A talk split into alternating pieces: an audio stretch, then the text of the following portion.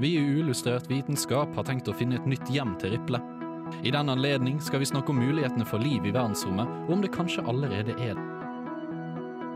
Vi svever derfor innom tema som fødsel og oppvekst i verdensrommet, mulighetene for å bosette seg i verdensrommet, og hva i alle dager SETI står for. Hallo, hallo, hallo, og hjertelig velkommen til denne ukas sending av Ulyssert vitenskap. Mitt navn er Andreas Haugland, og med meg i studio i dag har jeg Martin. Hallo. Jeg er Kristine. Hei, hei. Og jeg er Andreas. Hei! Ja, Vi har ennå ikke funnet nytt hjem til deg, eh, men vi er jo som sagt Dere jobber med saken. Ja. Jeg setter veldig Ja. pris på det. Ja, det er bra. Eh, Det er derfor vi har tatt denne sendingen, for vi skal utforske verdensrommet, sånn at vi finner et potensielt hjem for deg, da, der du føler du kan høre hjemme. Jeg har blitt lurt. Du har blitt lurt.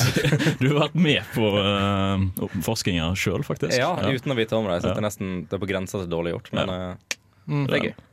Fant du ut om du kunne formere deg i verdensrommet? Uh, Spoiler, nei, vi Nei, snakker ikke om det nå. vi, du får svar på det senere. Det gjør Det er veldig spennende. Ja, jeg gleder meg i hvert fall. Eh, For det er jo nemlig det vi skal snakke om. Vi skal se på om det finnes muligheter for å både skape liv i verdensrommet, og om hva som skjer med Uh, liv uh, som du tar med deg opp i verdensrommet. Ja. Så du tar Ja. Eh, hvordan det påvirker både planter og mennesker.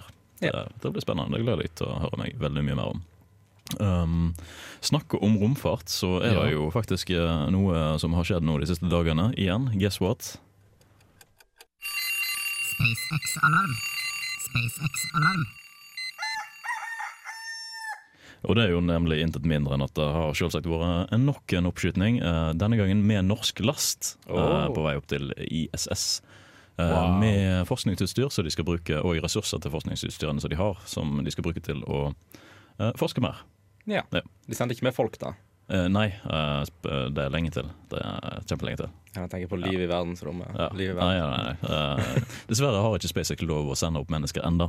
Jeg kan sende en liten e-post til Elon. Det går fint. Det er ikke Elon som bestemmer det. Jo. Nei. Det er vel NASA eller noe Det er sånt. NASA som bestemmer det, ja. Nei. Skal jo ha som sagt rundt syv suksessfulle flyvninger med én og samme iterasjon av en rakett. Mm, stemmer det. Det er det.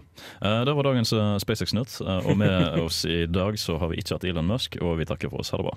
Nei, tuller. tuller. Vi skal høre en låt.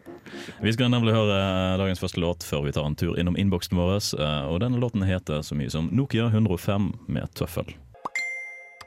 Jeg lurer på noe. Hvorfor er det sånn, Hei, da? jeg bare lurte på. Jeg hørte her om Jeg har tenkt på det dette lenge. Er det sant at jeg kan Men kanskje du kan svare på det? Vi svarer på akkurat det du lurer på. Uillustrert vitenskap sin innboks. Hjertelig velkommen tilbake til oss her i studio. Vi har tatt turen ut til postkassen vår og uh, funnet faktisk et spørsmål.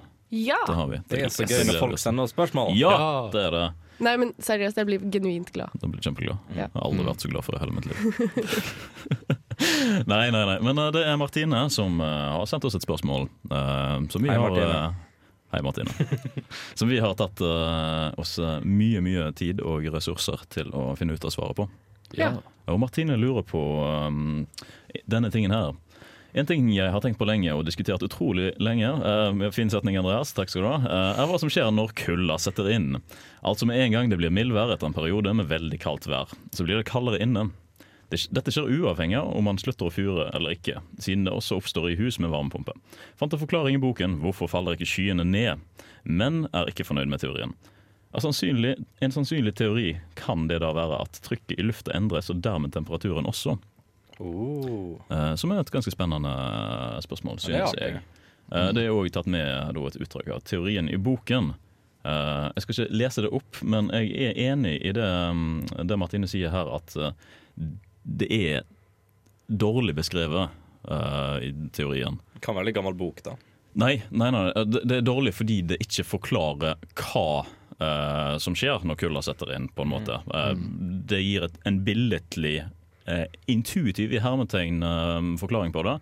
på hva som skjer, gitt til folk som gjerne da har lite til ingen erfaring med både fysikk og ting som det, dette her. som det kommer med. Men ikke direkte feil likevel, da. sånn sett. Noe sånn- sier meg at du har lyst til å utdype. ja, jeg har lyst til å utdype litt, grann i hvert fall.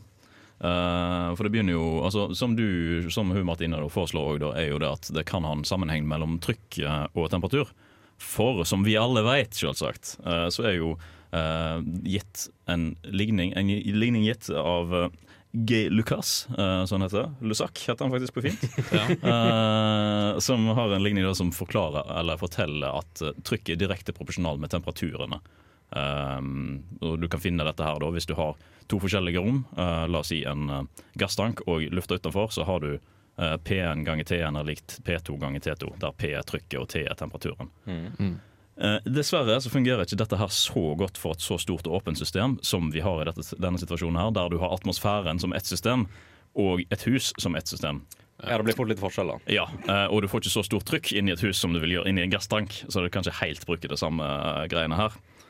Um, eller ja, Det samme prinsippet kan du jo faktisk finne i bildekk. Um, der det er en sånn sammenheng mellom trykk og temperatur. Om sommeren så er det varmere, og det er større trykk. Om vinteren er det kaldere, lufta er mer komprimert, mindre trykk. Det gir mening, da. Ja. Eh, Så det er jo det som du eh, spekulerer i her, så er det en, en sammenheng mellom trykk og temperatur. Men den aller største årsaken er jo selvsagt pga. årstider. Um, så vi gir at vi får uh, Altså jordas tilt rundt, i rotasjonen rundt sola gir oss årstider.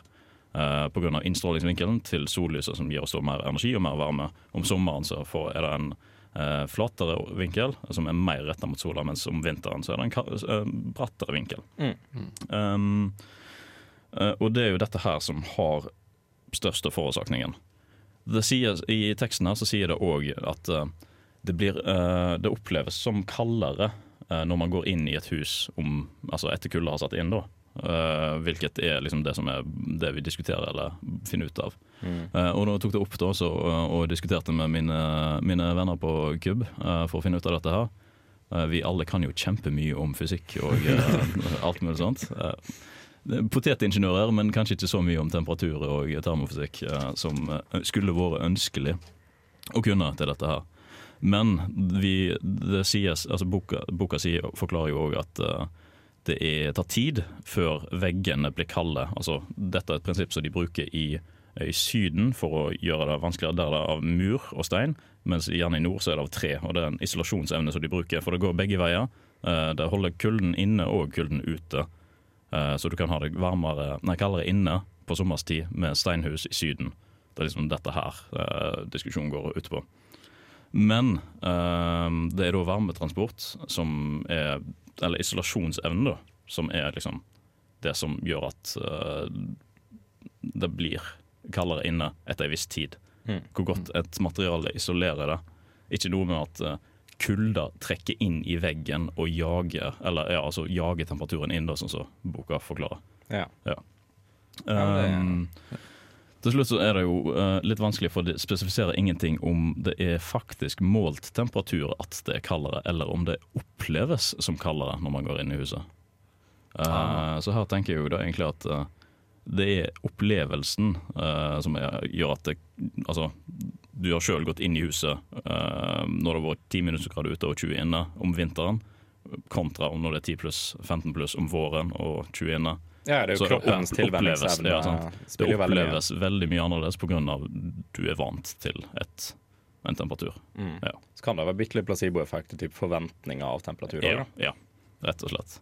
Men ikke pga. varmeoverføringsevne. For det er vel det, neglisjerbart. det det er veldig neglisjerbart. um, fordi atmosfæren, eller den varmen, som energien som er i lufta, Ja. er jo stort sett konstant, bortsett fra at den varierer opp og ned med døgntida.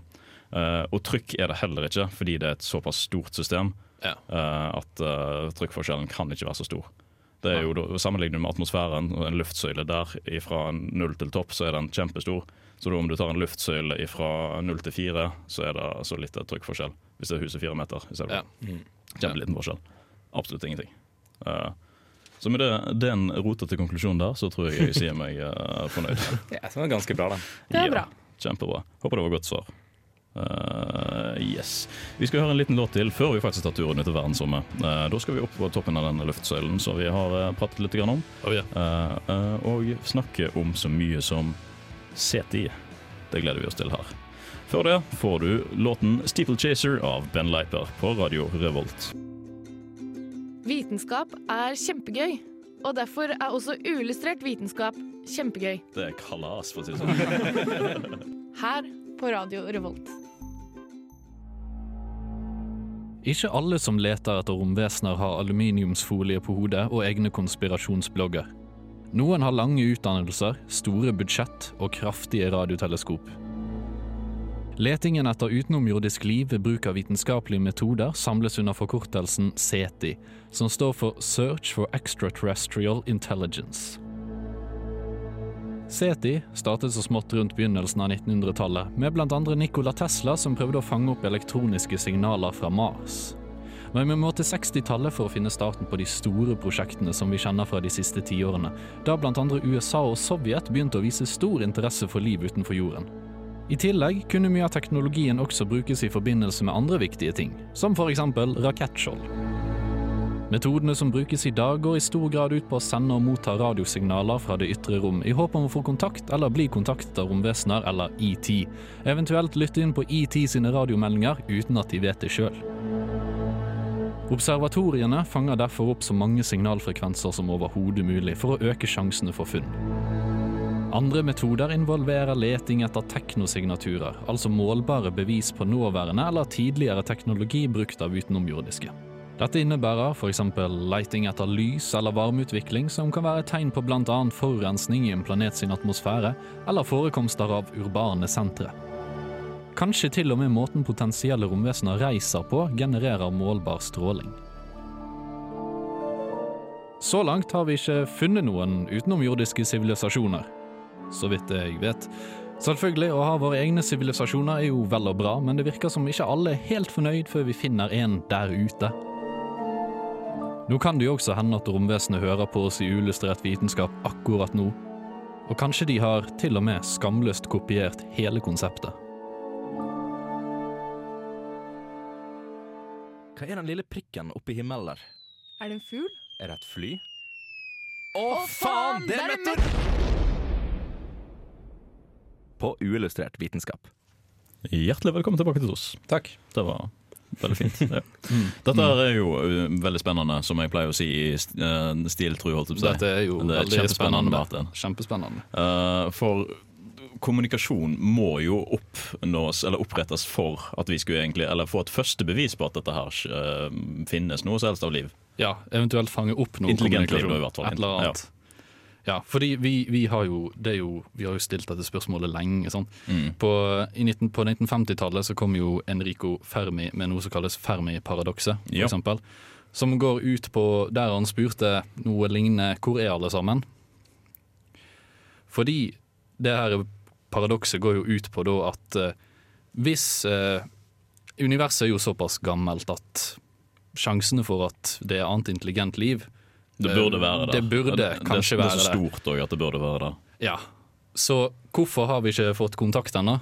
Da kan det jo hende at eh, det er sjeldnere enn vi tror. Mm. Eller enn det vi uh, går ut ifra først, eventuelt. Eller, eller at vi, vi ikke er avanserte nok til å detektere det ennå. At vi ikke har observert universet nok. Ja, Eller at vi leter på feil måte. Det er jo en veldig Kanskje stor de ikke bruker radiomeldinger i det hele tatt. Nei, Det er ikke sikkert de har den teknologien. Nei, sant? det er en ting. Og ja, jo. Kan jo hende de bare hoppet over radio. Mm, fant noe kulere, noe fetere. Eventuelt de så gamle at radiomeldinger har passert oss for lenge siden. Ja. Du har jo òg denne slags eh, barriereteorien, da. Om at det som skal kreves for at en sivilisasjon skal utvikle seg, f.eks. ute i verdensrommet og søke etter andre, krever at de kommer over visse biologiske og teknologiske barrierer. Og hvis den barrieren er uoppnåelig, så er det ingen sjanse for at vi noensinne kommer til å møte Ja. den. Og det er jo en uh, veldig stor tilfeldighet at vi har kommet så langt som dette her. Eller Mm. en standhaftighet, kanskje, da. At eh, livet har overlevd så mange masseutryddelser som vi har, det har gjort, og likevel ikke dødd ut. Altså, det har utvikla seg litt, endra seg litt, grann, ny utryddelse. ja, Utvikla seg litt, endra seg litt, ny utryddelse. eh, som vi har eh, gått igjennom, da. Så det er først nå de siste nesten 50 årene at vi har vært teknologisk adepte nok til å kunne prøve i det hele tatt å lete etter dette. Litt mer enn 50, kanskje, men rundt det. Og så er det jo òg da at kan faktisk livet på et eller annet punkt stagnere? Altså er det, er det en punkt der det faktisk ikke, vi ikke kan komme lenger? Ja. I den forstand der det er 100 sjanse for at vi for eksempel utrydder oss sjøl. Mm. Er, det- det- er, det- er vi første personer som har gjort det? Hvem veit? Det finnes mange planeter det kan ha skjedd på. Men har. Seti fått Har de hørt noe? I 1977 så fikk vi noe som kalles wow-signalet, fordi de fikk tilbake et signal som varte i 72 sekunder. Ja. Dette her var fanget opp av Big Ear-observatoriet, eh, som tilhører Ohio State University. Og den eh, ja, varte i hele 72 sekunder.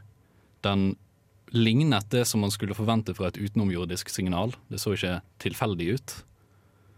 Men de har aldri klart å finne det igjen. Nei, akkurat Så det kan ha vært helt tilfeldig. kan det være Ja, for altså, På en måte. observerer du noe som er tilfeldig lenge nok, så kan du jo finne mønsteret. Ja. Så hvis du da har et uh, veldig stort spekter av uh, frekvenser du ser på over veldig lang tid, så kan det jo finnes et mønster av og til. Ja. Men det som er fint med radiomeldinger, det er at de reiser jo langt av gårde. Mhm. Så da har vi for eksempel i 1977 så sendte vi ut Arecibo-meldingen. Jeg snakket jo om Arecibo-observatoriet når vi snakket om eh, radio et eller annet. Jeg snakket om Ja, radioteleskopet i hvert fall. stemmer, stemmer. Eh, og den eh, var jo blant annet skrevet av eh, dr. Frank Drake og med hjelp av Carl Sagan, som vi er kjent med. Og den meldingen inneholder tallene fra 1 til 10, eh, atomnumrene i grunnstoffet til vårt DNA, samt diverse beskrivelser av DNA-et vårt.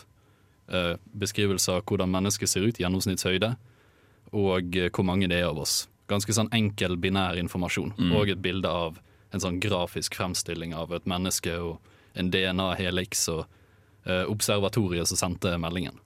Altså, det skal Hvis du er en IT si, og ser dette her, så skal det ganske mye til for å kode og tolke det, egentlig. Ja, det er ganske Eh, Minimalistisk eh, pixel art, rett og slett. Det er litt kjipt hvis de ikke tar det opp. Men de sendte det jo mot en sånn eh, Jeg husker ikke helt hvor de sendte det mot, men det er i hvert fall sånn 25 000 lysår unna. Sent to Global, Global R Star Cluster M13. Ja. Ja, den er Så, så hvis de sender radiomelding tilbake, så får vi kanskje svar om 50 000 år. Ja. Men det her var jo mer en slags sånn her eh, eh, måte å teste det på, kanskje. Se hvordan det er. For Arecibo-observatoriet er jo ganske følsomt. Det, kunne jo, det var jo opprinnelig bygd for å drive med litt eh, eh, kalde krig-ting. Føls, ja, følsomt som i De, de prøvde å fange opp radiomeldinger fra, fra Sovjet. fra Sovjet ja. som spratt av månen. OK! Det er spenstig. Det er spenstig. Det er ganske spenstig. Men vi lever jo i moderne tider, og vi trenger mye GPU for å tolke alle disse her frekvensene vi får inn. Mm. Og eh, det har krasjet litt med en annen teknologi, som kalles kryptovalutaer. Ja, for der, du må jo mene å utvinne disse coinsa fra noen steder. Og Ja, ja, og de krever GPU-er. ja Så, så det har blitt litt kamp om GPU-er i det siste. Alle sammen vil ha. Prisen har gått opp, og markedet kan ikke tilfredsstilles. Nei. Aldri. Nei. Nei. Det er Veldig spennende. Vi skal faktisk videre i verdensrommet om eh, bitte lite grann, og eh, dra på eventyr der. Ja, Det gleder vi oss til. det skal vi. Før vi kommer så langt som det, så skal vi høre en låt til, og det er låten 'Story' av Alfie. Du får det her på Illustrert vitenskap på Radio Revolt. Hello, I'm Lynn Rothschild from NASA Ames Research Center, and this is Unillustrated Science. Verdensrommet er et kaldt og ensomt sted. Vi vet ikke om noe annet liv der ute enn oss. Og det er kanskje ikke så rart, for hvis det var noe, så vil det ikke forlate planeten sin og den trygge, varme atmosfæren til fordel for temperaturer på et par kelvin, sterk UV-stråling og vakuum. Kanskje er det noen hydrogen- eller heliumatomer der ute, og muligens noen støvkorn, men ikke så veldig mye annet. Likevel er det noen som bare ikke klarer å la være å utforske. Og hvis vi noen gang skal reise bort fra vår egen planet, er det uunngåelig med en tur ut i verdensrommet. Heldigvis da i et romskip, for menneskekroppen tåler miljøet der ute ganske dårlig. Det er ingen som vet nøyaktig hva som ville skjedd hvis et menneske hadde gått ut i verdensrommet uten romdrakt, for det er det ingen som har prøvd. Men forsøk på aper på 60-tallet viser at man kan overleve i opptil tre minutter hvis de er veldig flinke på å gjenopplive deg i etterkant. Utenom mennesker har mange dyrearter vært en tur innom verdensrommet, men få har kommet helskinnet gjennom det. Utenom bjørnedyrene, da. De overlever alt. Det viser seg også at noen planter kan klare seg ganske greit, så lenge de er beskyttet mot strålingen. Man kan til og med gro matplanter suksessfullt inne på ISS. Utenfor veggene derimot har det meste blitt ødelagt, utenom enkelte arter av lav, sopp, gjær og alger. Problemet er at biologiske molekyler ofte blir ødelagt av den sterke strålingen. Bakterier derimot har vist seg å kunne beskytte seg i en viss grad, og kan tilpasse seg den utenomjordiske livet relativt bra. I tillegg til eksperimentene som er gjort, er det til og med funnet bakterier på utsiden av ISS. De trives godt pga. ulike tilpasninger de gjør seg til miljøet rundt. I verdensrommet vil f.eks. bakteriene kunne komme til næringen mye bedre, fordi bakteriene flyter rundt i null tyngdekraft istedenfor å ligge oppå hverandre i en klump. Celleveggen blir tykkere og fungerer som en beskyttelse, og bakteriene klumper seg sammen i grupper og beskytter dermed hverandre. De danner også noen ganger biofilm, et lag med slim mellom seg som gjør dem vanskeligere å drepe. Det viser seg derfor at livet klarer seg nok ganske greit uten jorda. Men om menneskene får være med på den moroa, det kan ingen garantere. Jeg er Aksel Tidemann. Jeg jobber som forsker på kunstig intelligens ved Telenor Research, og du hører på uillustrert vitenskap. Det gjør du, og vi er ute i verdensrommet. Ja, vi er ute i verdensrommet. Det er spennende. Vi tok døren. Jeg gjorde det. Det var hyggelig. Det var kjekt å ha møtt på så mange andre kjentfolk her oppe. Ja. Det, så der til høyre så har vi eh, ISS, den suser forbi. Til venstre litt framme i horisonten så har vi eh, en liten søt eh, cherryrød Tesla Roadster på vei mot Mars. Ja. Det er ganske Ja. praktisk. da Vi kan sette ølen utenfor, så blir den automatisk kald og vakuumpakket. Mhm, sant? Eller du bare mister all ølen din med en gang. Det er ikke noe igjen. Det er sånn. Det var litt for realistisk. Og, og, og denne, dette nydelige synet, det kan vi oppleve i omtrent eh, kanskje 15 sekunder før man mister bevisstheten. Ja, fordi man da ikke får puste. I det Ja. hele tatt. Men mister bevisstheten ikke pga. smerte med at eh, det er så kaldt. Eh, nei, fordi det er faktisk Det er ikke så kaldt. Nei! det, dette vet dere sikkert fra Ja, før av, ja, men dette har jeg oppdaget nå nylig. At uh, det er egentlig ikke så kaldt, fordi alt vannet vil fordampe fra kroppen din. Mm. Men huden holder på en måte det meste vannet på plass. Sånn at hvis du er svett, så vil det fordampe, liksom.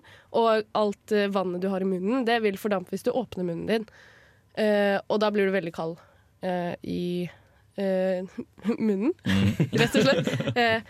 Men kroppen din Det er jo vakuum i verdensrommet. Og vakuum er jo skikkelig god isolator, holder jeg på å si. Så det du vil gjøre, er å stråle varmen din ut. Men det, du strål, utstråler ikke så mye varme i løpet av en dag at du vil bli kald av det. Nei. I hvert fall ikke 15 sekunder. Nei. Nei. Uh, så det er ikke det som tar livet av deg. I, nei. Nei. Det er det ikke. Uh, det som tar livet av deg med an Nei, derimot. Det er jo eh, dykkersyken. Ja, pga. trykkforskjellen eh, ifra da ha en vakuumtett drakt til å bare Hei, det er ikke noe igjen lenger. Ja, og det er ikke trykk der inne, eller mye lavere trykk da, enn det det er på jorda. Og trykket på jorda, det gjør ganske mye bra ting. Som for eksempel det å holde eh, oksygen oppløst i blodet ditt. Mm. Eller andre gasser, sånn som nitrogen. Det er oppløst i blodet. Men når du senker trykket, så vil det også begynne å koke, eller fordampe, da, eller gå i gassform. Mm. Eh, slik som det har en tendens til å gjøre når man endrer på trykket på den måten. Eh, og da vil blodet ditt på en måte begynne å boble. Og Det er jo sunt, har jeg hørt. Ja. Det er veldig greit. Ja. Men det er vel sånn som hvis det først har skjedd at det danner seg bobler der, så er det veldig vanskelig å bli kvitt type dykkersyke. ja eh, og problemet er at de boblene tetter igjen blodårene. Mm. Eh, fordi at eh, vann har en veldig bra egenskap om å holde seg sammen. Og når vannet ikke holder seg sammen lenger, så, ja, da blir det tett, da, for det er veldig tynne rør, og det krever en del eh, det, det har tatt i bruk mange av vann sine egenskaper om å holde seg sammen, og når det ikke gjør det, så blir det veldig fort tett. Og da vil du få ja, i blodet i hjertet og i lungene og alle andre sånne viktige organer. Så det er faktisk det som tar livet av deg først. Men så Ja. fort så det. Eh, ja, fordi så fort du får mangel på oksygen i hjernen, Ja. så går du i bakken ganske fort. True. Så det er hjernen som er problemet her. Det er det. Alltid Rett og slett. Alltid hjernen. Ja. Forbanna hjernen, altså. Altså, Ja, ja. Dårligste organ i kroppen. Eh, Kunne men- gjerne tatt og blitt kvitt den. Men det er, eh, det er ingen mennesker som har prøvd da, å gå ut i verdensrommet ennå. Men det, NASA har sendt opp veldig mange dyr. Og det er ganske groteske Ja. forsøk. Fordi de har tatt eh, aper da på 60-70-tallet, Mm. og hunder, eh, som de har eh, Jeg vet ikke helt hva de gjorde med det. Jeg tror de sendte inn i eh, Det var liksom ikke helt zero gravity, men det var så langt opp i atmosfæren da, at du kan regne det som eh, ja, Mm. som du kal kan kalle verdensrommet for forsøk sin skyld, liksom.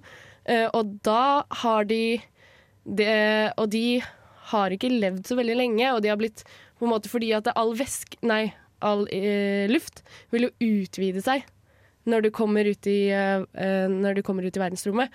Og derfor vil jo da lungene eksplodere og sånne ting. Sånne hyggelige ting som skjer. Kjempegøy. Ja. Nei, det er ganske grotesk, akkurat det. da Ja, og det, beskrivelsen av de eh, forsøkene, de skal man ikke det, det trenger vi ikke å nevne. Nei.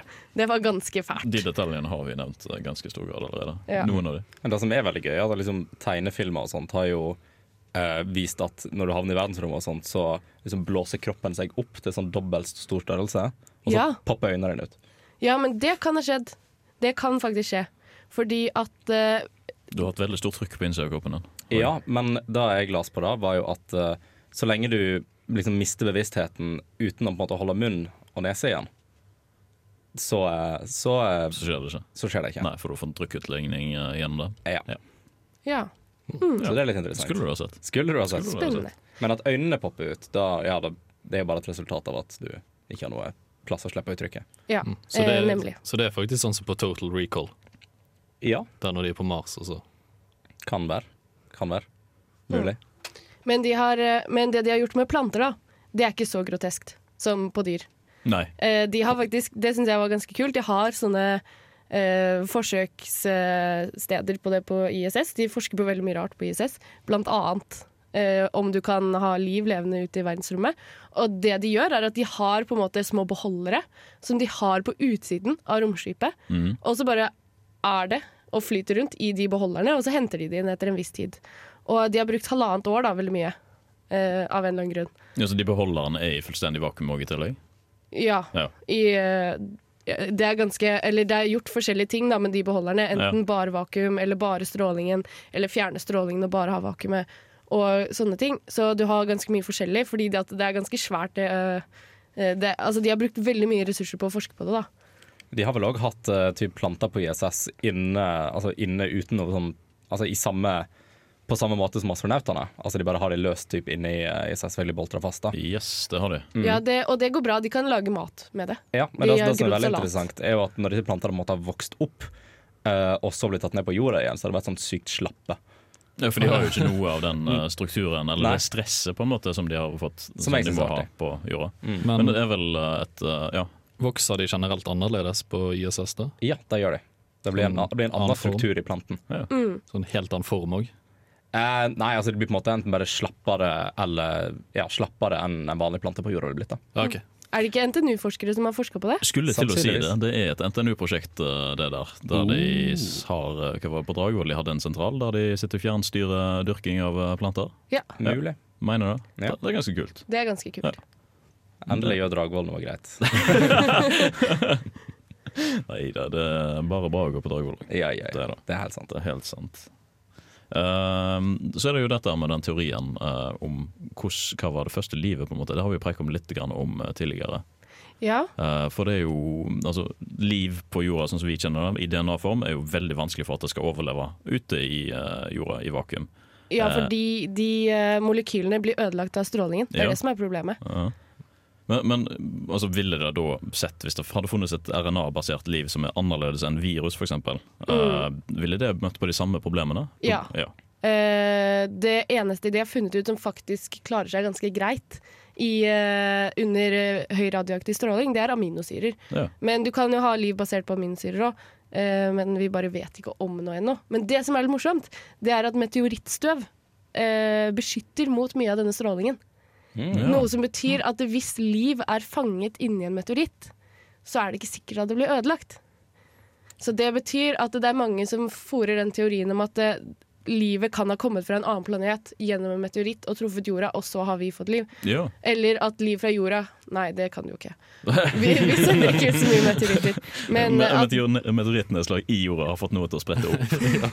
Og ikke drepte i samme støtet. ja. Nei, men, det, men sånn kan livet ha kommet til jorda. da. Det er litt interessant, syns jeg. Veldig kult. Mm. Eh, vi skal snakke litt mer om dette her med livet i verdensrommet, uh, som jeg gleder meg veldig til å høre om. Riple. Ja, jeg gleder meg. Jeg gleder meg veldig mye. Dette tror jeg blir spennende. Før vi kommer så langt til det, skal vi høre en låt til. Det er denne her eh, hyggelige, rolige balladen her som du hører i bakgrunnen. Det er låten 25 av Fie. This is Alan Moore, and you're listening to Unillustrated Science. Hva om du hadde blitt født i verdensrommet? Altså ikke født for så å dra til verdensrommet, men f.eks. på en romstasjon eller på månen. Hvordan ville det påvirke deg som person? Vel, det første som adresseres er at ting kommer til å bli vanskelig. Å oppdra eller å bli oppdratt i en liten fallende ubåt i verdensrommet blir trangt og ukomfortabelt, for å si det mildt. En fremtidig månekoloni ville nok vært hakket bedre. Noe av det du kommer til å merke først, er at du kommer ikke helt til å se ut som alle de andre barna når du blir voksen. I hvert fall ikke hvis du fortsetter å være i verdensrommet. I verdensrommet så er det null gravitasjon. Altså, det er omtrent like mye gravitasjon som på jorda, vi bare kaller det null gravitasjon. Og for at kroppen skal kunne utvikle seg sånn som vi kjenner den til, så trenger den gravitasjon. Ryggen vil f.eks. ikke bli like sterk som på jorda ettersom at han ikke vil få den samme motstanden og treningen som vi får bare av å ja, eksistere. Dessuten, mye av kroppen som vi kjenner til, inneholder veldig mange typer væsker. Vestibularvæsker er spesielt noe som blir påvirket av verdensrommet, og det er en type væske som eksisterer inni øret. Og da at han flyter rundt, litt sånn som han gjør i verdensrommet, kan ofte føre til svimmelhet. Og det er litt kjipt å ha hver dag. I tillegg så blir alle andre væsker i kroppen påvirka. Og i stedet for å venne seg til trykket nedover i kroppen, slik vi har det i dag, så gjør det at væska jevnt fordeler seg. Så du kan bli temmelig puffy etter hvert. Og dette er faktisk noe astronauter opplever hele tida, og det forsvinner med en gang en kommer til jorda, men hvis kroppen utvikler seg til dette, så kan det fort bli veldig annerledes. Dessuten, når væske ekspanderes rundt ansiktsregionen, så kan det fort legge trykk på ting som den optiske nerve, som gjør at du faktisk kan bli blind. Før en skal snakke om å oppdra et barn i verdensrommet, så er det et viktig steg som kreves, og det er jo selvfølgelig å lage dette barnet. Og da kan faktisk bli veldig vanskelig i Zero G. For det første så er logistikken utrolig vanskelig, og selve utførelsen kan bli vanskelig i seg sjøl. Men om en skulle klare det, så kan det være vanskelig for spermceller å svømme. Og det er et visst enzym i egget som bryter halen til spermcellen når den skal inn i egget, og det fungerer ikke så bra i nullgravitasjon. Altså, alt dette her kan jo selvfølgelig fikses med kunstig befruktning, men hvor moro er det? I'm James Randi, and you're listening to Unillustrated Science.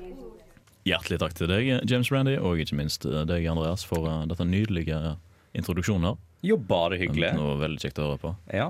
Jeg lurer litt på hvor er moroa med kunstig befruktning? Nei, hvor er den ikke? Ja. Nei, uh, det er jo da spørsmålet stiller jeg meg sjøl hver dag. Ja, sant. Ok. Det er et stort problem i hverdagen. Absolutt. Nei, altså da å bli født i verdensrommet, oppvokst i verdensrommet og drive på med sånt, det høres jævla kjipt ut. For å være helt ærlig. Altså, men- Hvorfor det? Hvorfor det? Ja, hvorfor? Ja, men uh, det er jo på grunn av Altså, du har ikke tyngdekraften, for Nei, det. Du har, du har ikke tyngdekraften. Det er utrolig mange på å si, sykdommer altså, sa astronauter opplever, så du kommer til å utvikle deg inn i, Mm. adoptere og få påvirka på deg. Tidlig i oppveksten. Tidlig i oppveksten. Eh, Det første er jo å unnfange et barn er vanskelig, å være gravid er vanskelig. Og da Har du hørt? har jeg hørt. uh, og ja, da oppdrar noen kommer til å være ganske kjipt. Jeg kom på en ting. Nei, så gøy. Jo, fordi, fordi eh, ryggen Når du fødes som barn, så er ryggen din på en måte har én bue. Mens Mm. når du er voksen, så har ryggen på en måte en S-form, hvor den ene buen i S-en er nakken, og den andre buen er på en måte eh, i bekkenet, da, eller i korsryggen, Mm. når det går på en måte. Og det kommer av tyngdekraften. Jep. At eh, du holder hodet oppe, og det at du må stå på to bein. Så da ville kanskje ikke ryggen vært forma sånn som den Altså Hvis du på en måte ville være i stand til å altså, unngå å gå så bøyd som mulig i løpet av hele oppveksten din og på en måte drive med en eller annen form De driver med trening på ISS. Ja. De må jo gjøre det. Ja, de må gjøre det. Men å drive med det gjennom, det, blir, det er vanskelig. Ja, altså Bare gå konstant med skuldertilosiv vekt på skuldrene. Ikke at det hjelper en dritt uh, uten tyngdekraft, uh, men ja. Men også er det jo da Stroppa fast til romfartøyet, sånn at du har ekstra motstand når du går. Sant, sant. Men det som er eh, veldig kjipt, da, altså typ um, Noe som skjer i verdensrommet, er at kroppen produserer mindre blod. Mm. Uh, Oppimot 22% for en voksen mann i løpet av 100 dager. Og hvordan vil det da bli for et barn som, der kroppen produserer lite blod? De vil jo ikke ha en veldig forventa levealder. Det påvirker jo hjertet veldig godt. Mm. Um, Og ikke minst og det å ha nok til å vokse på, skulle jeg si. Altså, ja. du skal jo faktisk bli større, du trenger jo mer. Hvis du produserer mindre, så det er kanskje en problem der, et problem der òg. Ja, det er kanskje da, spesielt da, liksom, i tillegg til et deformert skjelett. Du har væske som flyter rundt i kroppen. Ja, Eh, et, et, et sykt svakt skjelett òg. Et veldig svakt skjelett. Altså for å si det sånn, Et barn som hadde blitt vokst opp på, på ISS eller på, på månen, og sånt, du kunne essensielt ikke tatt med deg barnet tilbake til jorda. Nei. Også, men noe av det som Da nevnte jeg jo ikke i saken min, da, men veldig mye av det som det går på, er jo òg det psykiske. Mm. Eh, da liksom Du vokser opp deformert, lukka, trangt miljø. Uten planter i luft og Ja. alt mulig farger, skulle du si. Du vil ha smerter i kroppen pga. at utviklingen foregår som den går, og pga. at ja, væska trykker på forskjellige nerver i kroppen. Du vil essensielt kanskje bli blind veldig tidlig. Mm. Eh, Så de som på en måte har diskutert dette, her, de har jo kalt det tortur. Ja, men det er jo det, i Det er Det. Men er mesteparten av problemene grunnet eh, lav gravitasjon?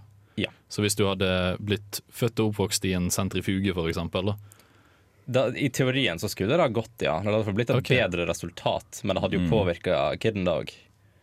Ja, altså Han blir jo slyngt rundt uh, 24 timer. Ja.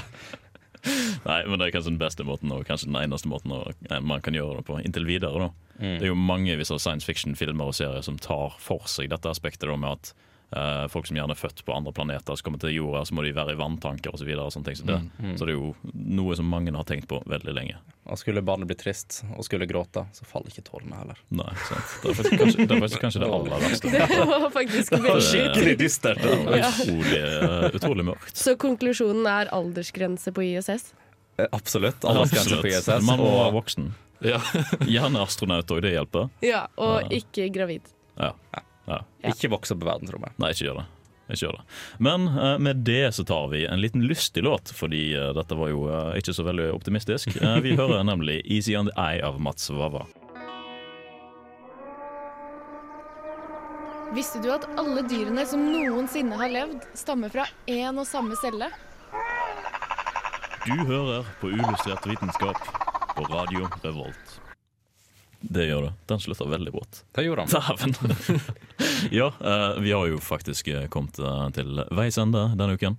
Hvorfor må vi alltid komme til veis ende? Skal vi ikke bare ha kontinuerlig uillustrert vitenskapssendinger? Det hadde vært så gøy. Mm. Sånn 24 timer i døgnet. Ja. 24 timer 24 Med content making, rett og Ja, ja. Ja. Lett. Livefeed, hva vi gjør hele dagen. Jeg støtter det. Ja, støtter deg òg.